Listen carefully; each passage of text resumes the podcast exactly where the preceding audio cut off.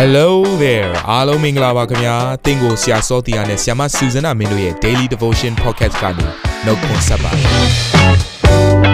ဆရာနဲ့ဆ iam တို့ရဲ့အသက်တာမှာဘုရားရှင်ပြုတဲ့ကောင်းကြီးမင်္ဂလာများစွာရှိပါတယ်အဲ့ဒီအထက်ကပြန်လဲစီးဆင်းတဲ့နှုတ်ကပတ်တော်ကိုဒီနေ့မှနားထောင်ပြီးခွန်အားယူကြမှာဖြစ်ပါတယ်နေ့စဉ်10မိနစ်လောက်အချိန်ပေးပြီးမိမိရဲ့အသက်တာကိုကောင်းကြီးဖြစ်စေမယ်ဘုရားသခင်ရဲ့နှုတ်ကပတ်တော်နဲ့နီးလန်းတွေကိုအတူတကွခံယူကြရအောင်ခင်ဗျာ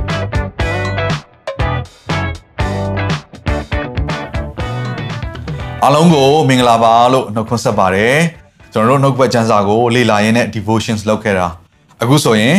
တတိယဘက်ကိုရောက်လာပြီဖြစ်တယ်အဲ့တော့ဒီ week 3မှာကျွန်တော်တို့9ရက်တာကာလလေ့လာသွားမယ်ခံယူသွားမယ်နှုတ်ဘက်တော့ခေါင်းစဉ်ကတော့မာနက်ကိုအောင်ပြီဆိုတဲ့ခေါင်းစဉ်ဖြစ်ပါတယ်အဲ့တော့နှုတ်ဘက်ကျမ်းစာရဆိုရင်ကျွန်တော်တို့ဒီတစုံတစ်ယောက်ရဲ့လွှမ်းမိုးမှုအောက်ထဲမှာရှိနေတယ်ကျမ်းစာရဆိုရင်တော့နော်အဆိုးကကျွန်တော်တို့ကိုလွှမ်းမိုးမလားဒါမှမဟုတ်ရင်အဲ့ဒီအဆိုးကို အကောင်းအဖြစ်အနိုင်ယူမလားဆိုတဲ့နှုတ်ကပတ်ချမ်းစာရှိပါတယ်။အဲ့တော့သင်ဟာဘသူရဲ့အောက်မှာအသက်ရှင်နေတော်သူလဲ။ဒီနေ့အဖြစ်ပြောရမှာဆိုအစိုးရအောက်မှာအသက်ရှင်နေတော်သူလား။ဒါမှမဟုတ်ရင်ကောင်းသောယာယအောက်မှာအသက်ရှင်နေတော်သူလား။မောင်မရဲ့အုပ်ဆုံးမှုအောက်မှာအသက်ရှင်နေတော်သူလား။အလင်းရဲ့အုပ်ဆုံးမှုအောက်မှာအသက်ရှင်နေတော်သူလား။ကျွန်တော်ဂျားထဲမှာတော့နေလို့မရဘူး။နော်။ကျွန်တော်တို့ကမာနက်ကိုအနိုင်ယူမလားဒါမှမဟုတ်ရင်မာနက်ရဲ့အုပ်ချုပ်မှုအောက်မှာပဲကျွန်တော်တို့သွားမလားဆိုတဲ့အရာကဒီနေ့စင်ကြရမယ့်အရာတစ်ခုဖြစ်ပါတယ်။အဲ့တော့ပထမအဦးဆုံးသောနေ့ရက်အတွက်ခေါင်းစဉ်ကတော့နော် စိုးညစ်ခြင်းဟာပုံကိုဖြစ်တယ်။တော့ကျွန်တော်ရဲ့အသက်တာထဲမှာနော်ဖြစ်လေဖြစ်တာရှိတဲ့အရာတွေရှိပါတယ်။နော်ကျွန်တော်ခံစားချက်တွေလည်းဖြစ်နိုင်တယ်။ကျွန်တော်တို့အရင်ဆိုင်ကြုံတွေ့ရတဲ့ပြဿနာတွေဖြစ်နိုင်တယ်။တခါတည်းမှာကျွန်တော်တို့ကဒါကတော့ငါစိတ်ခံစားချက်ပါအတွေးခေါ်ပါဒါကတော့ဖြစ်လေဖြစ်တာရှိပါတယ်လို့စဉ်းစားပေမဲ့ချို့သောအရာတွေဟာတနည်းအားဖြင့်ပြောရမယ်ဆိုရင်တော်တော်များများပေါ့ကျွန်တော်တို့ရဲ့အသက်တာမှာဖြစ်တဲ့အရာတော်တော်များများဟာနော်တစုံတရာရဲ့လွှမ်းမိုးမှုဖြစ်တယ်။တစုံတယောက်ရဲ့လွှမ်းမိုးမှုထဲမှာပေါ်လာတဲ့အရာတွေဖြစ်တယ်။ ပြောမယ်ဆိုရင်တော့အင်္ဂလိပ်လိုဆိုပို့ပြီးတော့ရှင်းမှတ်ထင်တယ်နော် something မဟုတ်တော့ဘူး someone ပုံကိုနဲ့ကျွန်တော်တို့ကရင်ဆိုင်ရတာဖြစ်တယ်ကျွန်တော်ရဲ့တက်တာမှာဒီရန်သူဆိုတော့မာနနဲ့ရင်ဆိုင်တဲ့ခါမှာဒါဟာစိတ်ခံစားချက်တစ်ခုမဟုတ်ဘူးအဖြစ်ပြက်တစ်ခုမဟုတ်ဘူးဖြစ်လေဖြစ်တာရှိတဲ့အရာတစ်ခုမဟုတ်တော့ဘဲနဲ့နော် something မဟုတ်ဘဲနဲ့အချက်လက်တစ်ခုမဟုတ်ဘူး something မဟုတ်ဘူး someone ပုံကိုဖြစ်တယ်တော့ကိုရင်ဆိုင်ရတဲ့ရန်သူဟာဘာတူလဲဆိုတော့ကျွန်တော်တို့ ကောင်းကောင်းသဘောပေါက်ဖို့ဖြစ်တယ်အဲ့တော့ပုံကိုလို့ပြောလိုက်ပြီဆိုရင်တခါတန်းစဉ်းစားတာကတော့မြင်ရတဲ့လူပေါ့နော်ဒါကြောင့်ကျွန်တော်တို့ကလူတွေကိုရန်သူလို့ဒီလိုမျိုးစဉ်းစားလေးရှိတယ်တကယ်တော့ကျွန်တော်ရဲ့ကိုယ်ခန္ဓာတွေကနေပြီးတော့အသက်ဝိညာဉ်ထွက်သွားတဲ့အခါမှာဒီကိုယ်ခန္ဓာဘာမှသုံးလို့မရတော့ဘူးအဲ့တော့ပုံကိုအစစ်မှန်ကဘာလဲ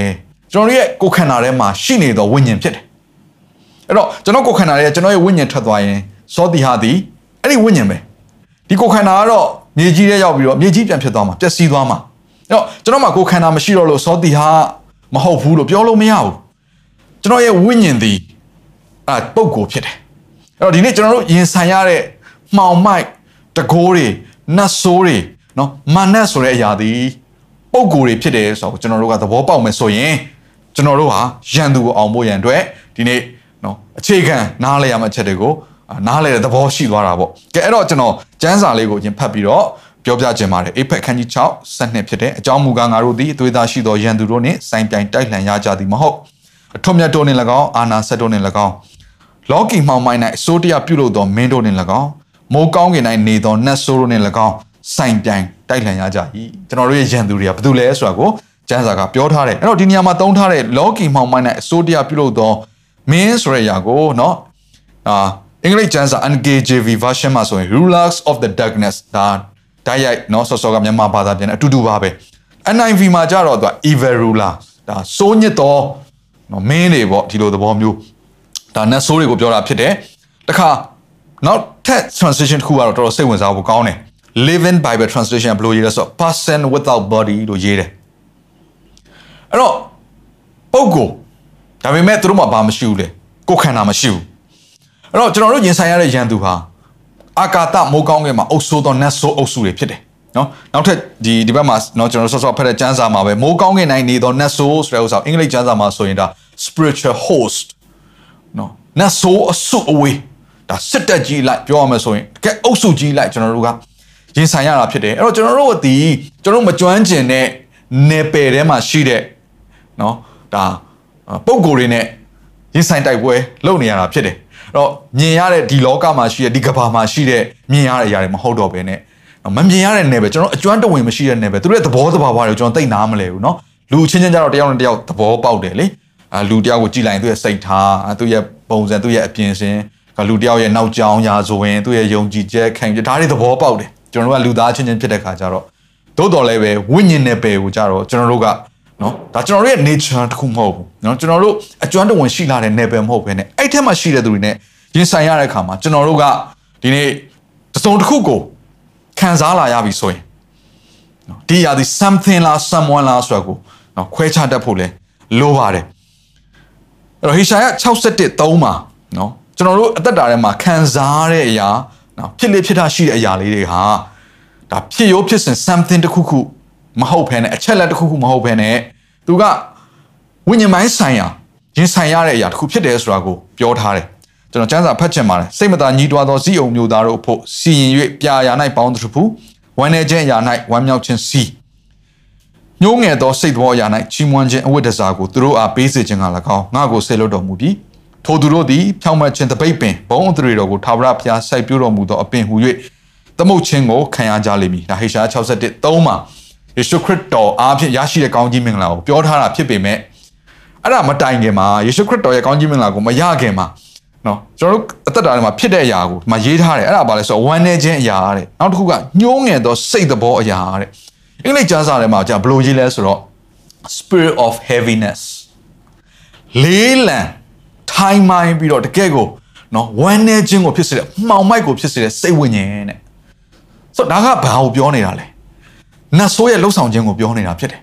ဆိုတော့အဲ့ဒီနတ်ဆိုးရဲ့လှုပ်ဆောင်ခြင်းနေရာမှာနော်ဘုရားသခင်ကခရစ်တော်အဖြစ်ကျွန်တော်တို့ကိုကောင်းကြီးပေးလိုက်တာဖြစ်တယ်ဒါကြောင့်ကျွန်တော်တို့ကစိတ်သက်တခါအတကုံကြာအလွန်မင်းပေါ့နော်စိတ်သက်ကြာစင်းတာဆိုတာက something မဟုတ်ဘူးနော် something မဟုတ်ဘူးကျွန်တော်တို့ကဒါ someone ပုံကိုနဲ့ရင်ဆိုင်နေရတာဖြစ်တယ်တကယ်ကိုအဲ့ဒီစိတ်ပြက်ခြင်းစိတ်သက်ကြာခြင်းကိုဖြစ်စေတဲ့နတ်ဆိုးနဲ့ရင်ဆိုင်နေရတာဖြစ်တယ်ဆိုတော့သိစေချင်တယ်နော်ဒါကြောင့်စိတ်ဖိစီးမှုတခါလေခံစားရတယ်ဆိုရင်လည်းဒါကတော့ အာဖြစ်လေဖြစ်တာရှိပါတယ်ဆိုတော့ဒီလိုမျိုးနော်ကျွန်တော်တို့မစင်စားတတ်ဖို့လိုတယ်နောက်တစ်ခုကဆွဲလန်းမှုတမန်မှုတွေကျိုးကကျတော့စိုးညစ်ခြင်းကို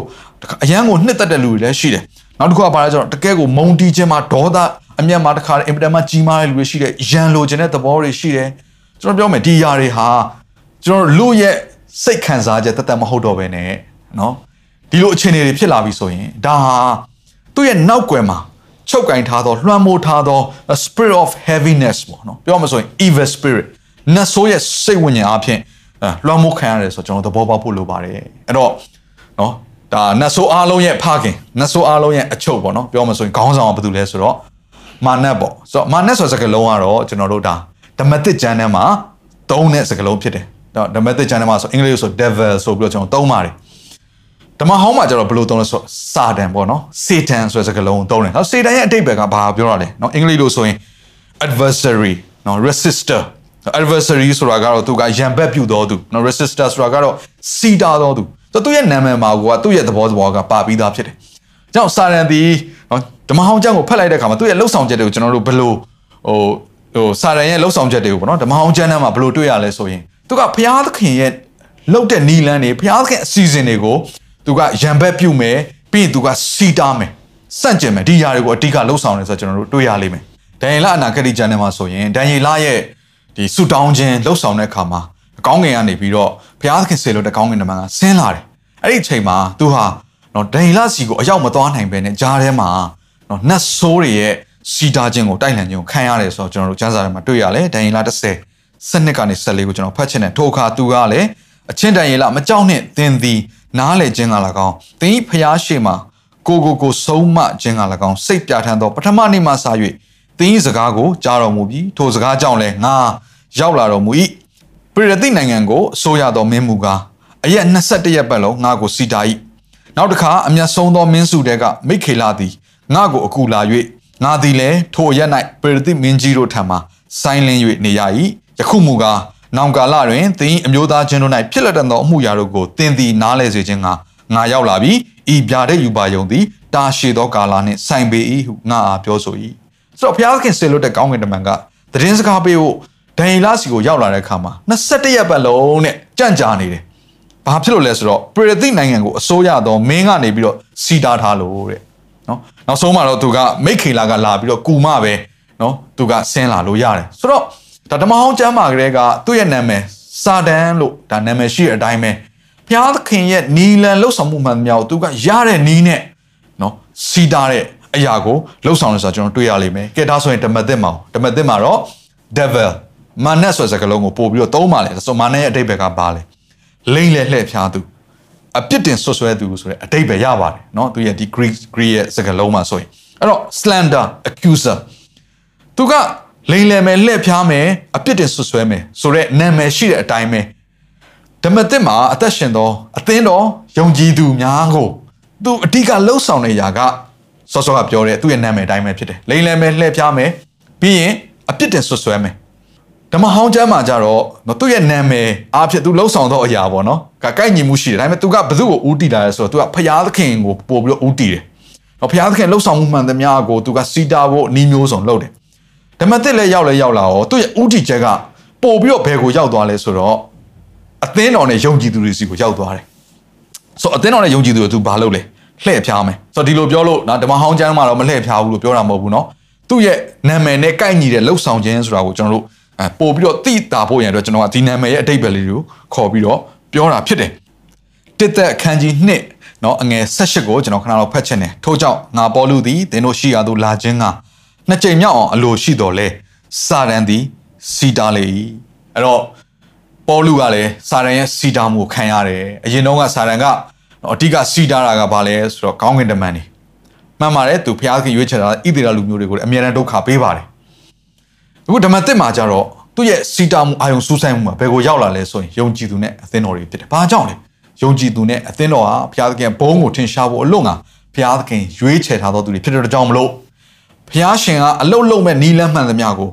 အသင်းတော်ကတစ်ဆင့်ယုံကြည်သူတွေကတစ်ဆင့်ဖော်ထုတ်ဖို့ရန်ပြင်ဆင်တဲ့အခါမှာဒီနေ့ယုံကြည်သူတွေအသင်းတော်တွေကိုစီတားနိုင်ပြီဆိုရင်တော့ဒါဘုရားရဲ့အလုပ်ကိုစီတားနိုင်ပြီဆိုတာကိုကောင်းကောင်းသဘောပေါက်တဲ့အတွက်ကြောင့်မလို့ယန်သူမာနသည်ဒီနေ့ယုံကြည်သူများကိုအဓိကထားပြီးတော့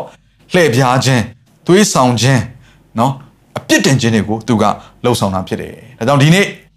เนาะနှုတ်ကပတ်တော်အားဖြင့်ကျွန်တော်တို့ဘာသဘောပေါက်ဖို့လိုလဲဆိုရင်အစစ်မှန်ငါတို့ ရင်ဆိုင်နေရတာကပုံကိုယ်တွေဖြစ်တယ်ဆိုတာကိုသိဖို့လိုပါတယ်เนาะကျွန်တော်ပြောမယ်ဝမ်းနေခြင်းစိတ်တက်ကြခြင်းတွေဆိုတာကမမြင်ရဘူး။ဒါပေမဲ့သင်သိပါတယ်ဒါအစစ်မှန်ဆိုတာသင်ကိုယ်တိုင်ခံစားနေရတာအစစ်မှန်။ဒါကြောင့်မလို့မမြင်ရတိုင်းအစစ်မှန်မဟုတ်ဘူးလို့မထင်ပါနဲ့။ခိုင်မှာတင်းရဲ့အတွင်းထဲမှာခံစားနေရတဲ့အရာတင်းရဲ့အသက်တာကိုဖုံးလွှမ်းပြီးတော့မှောင်မိုက်ဖြစ်စေတဲ့အရာလေးလံခြင်းတွေဖြစ်စေတဲ့အရာတခါတည်း breakthrough ဆိုတဲ့အရာကိုမရှိတော့အောင်ဖြစ်စေတဲ့အရာဒီမာနရဲ့လွှမ်းမိုးမှု လှုပ်ဆောင်မှုတွေကိုနော်ခံရတဲ့အခြေအနေမျိုးတွေရှိနိုင်ပါတယ်ဒါကြောင့်မလို့ဒီနေ့နှုတ်ကပတ်တော်အဖြစ်ငါရင်ဆိုင်နေရတော့သူကပုံကိုဖြစ်တယ်ဆိုတော့သဘောပေါက်ပြီးတော့ဒီနေ့ဘုရားသခင်ကိုပို့ပြီးတော့မိခိုကိုးစားဖို့ဘုရားရဲ့နီလန်းတွေကိုကျွန်တော်ရှာဖွေဖို့ဖြစ်ပါတယ်နောက်ရက်တွေမှာဒီနေ့မာနကိုရင်ဆိုင်တဲ့နီလန်းတွေကိုကျွန်တော်တို့ဆက်လက်ပြီးတော့လေ့လာသွားကြမှာဖြစ်တယ်ခဏလောက်ကျွန်တော်ဆူတောင်းကောင်းကြီးပေးခြင်းပါတယ်ဘုရားသခင်ဒီနှုတ်ကပတ်တော်ကိုနားထောင်နေရှိတော်သူတယောက်စီတိုင်းကိုကောင်းကြီးပေးပါတယ်ဒီနှုတ်ကပတ်တော်အားဖြင့်သားတို့ရဲ့ဝိညာဉ်မျက်စိကိုကိုတော်ပွင့်စေလျက် ရင်ဆိုင်နေရသောရန်သူသည်ဒီနေ့မမြင်ရသောနေပယ်မှာရှိသောဝိညာဉ်ပိုင်းဆိုင်ရာမှောင်မိုက်တကိုးတွေပုံကိုယ်တွေဖြစ်တယ်ဆိုတော့ကိုကျွန်တော်သဘောပေါက်နားလည်ပြီးတော့ဒီနေ့သူတို့ကိုရင်ဆိုင်ဖို့ရန်အလို့ငါကိုရဲမဆာခြင်းကိုရဲနီလန်းတွေကိုသဘောပေါက်ပြီးတော့ဉာဏ်ပညာနဲ့တော်၎င်းကိုရောပေးသောအခွင့်အာဏာနဲ့တော်၎င်းယေရှုဖခင်လက်ဝါးကလေးမှာခံခဲ့သောဒီနေ့အမှုပြည်စည်းခြင်းအပြင်ပေးခဲ့သောအခွင့်အာဏာများကိုဆွဲကင်ပြီးတော့ရင်ဆိုင်တတ်ဖို့ရန် ကိုရောယေရှုပြုပါဒီနေ့အတွက်လဲအသက်တာများကိုလက်ဝဲမှာအနံ့ပါတဲ့ဖဖျားသခင်ယေရှုပြုခြင်းကိုခံစားပါမိကြောင်းနာဇရက်မြတ်ယေရှုခရစ်တော်၏နာမကိုအမိပြုလျက်ဆုတောင်းအနံ့ကြပါ၏ဖဖျားအာမင်မနေ့ဖြန်မှာကျွန်တော်တို့ပြန်လဲဆုံတွေ့ရအောင်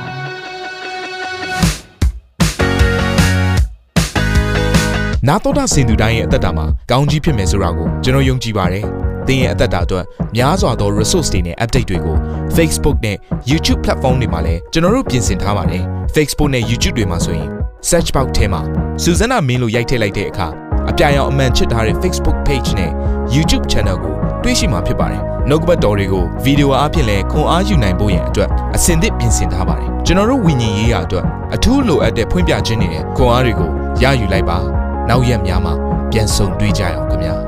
အားလုံးကို နှုတ်ဆက်ပါတယ်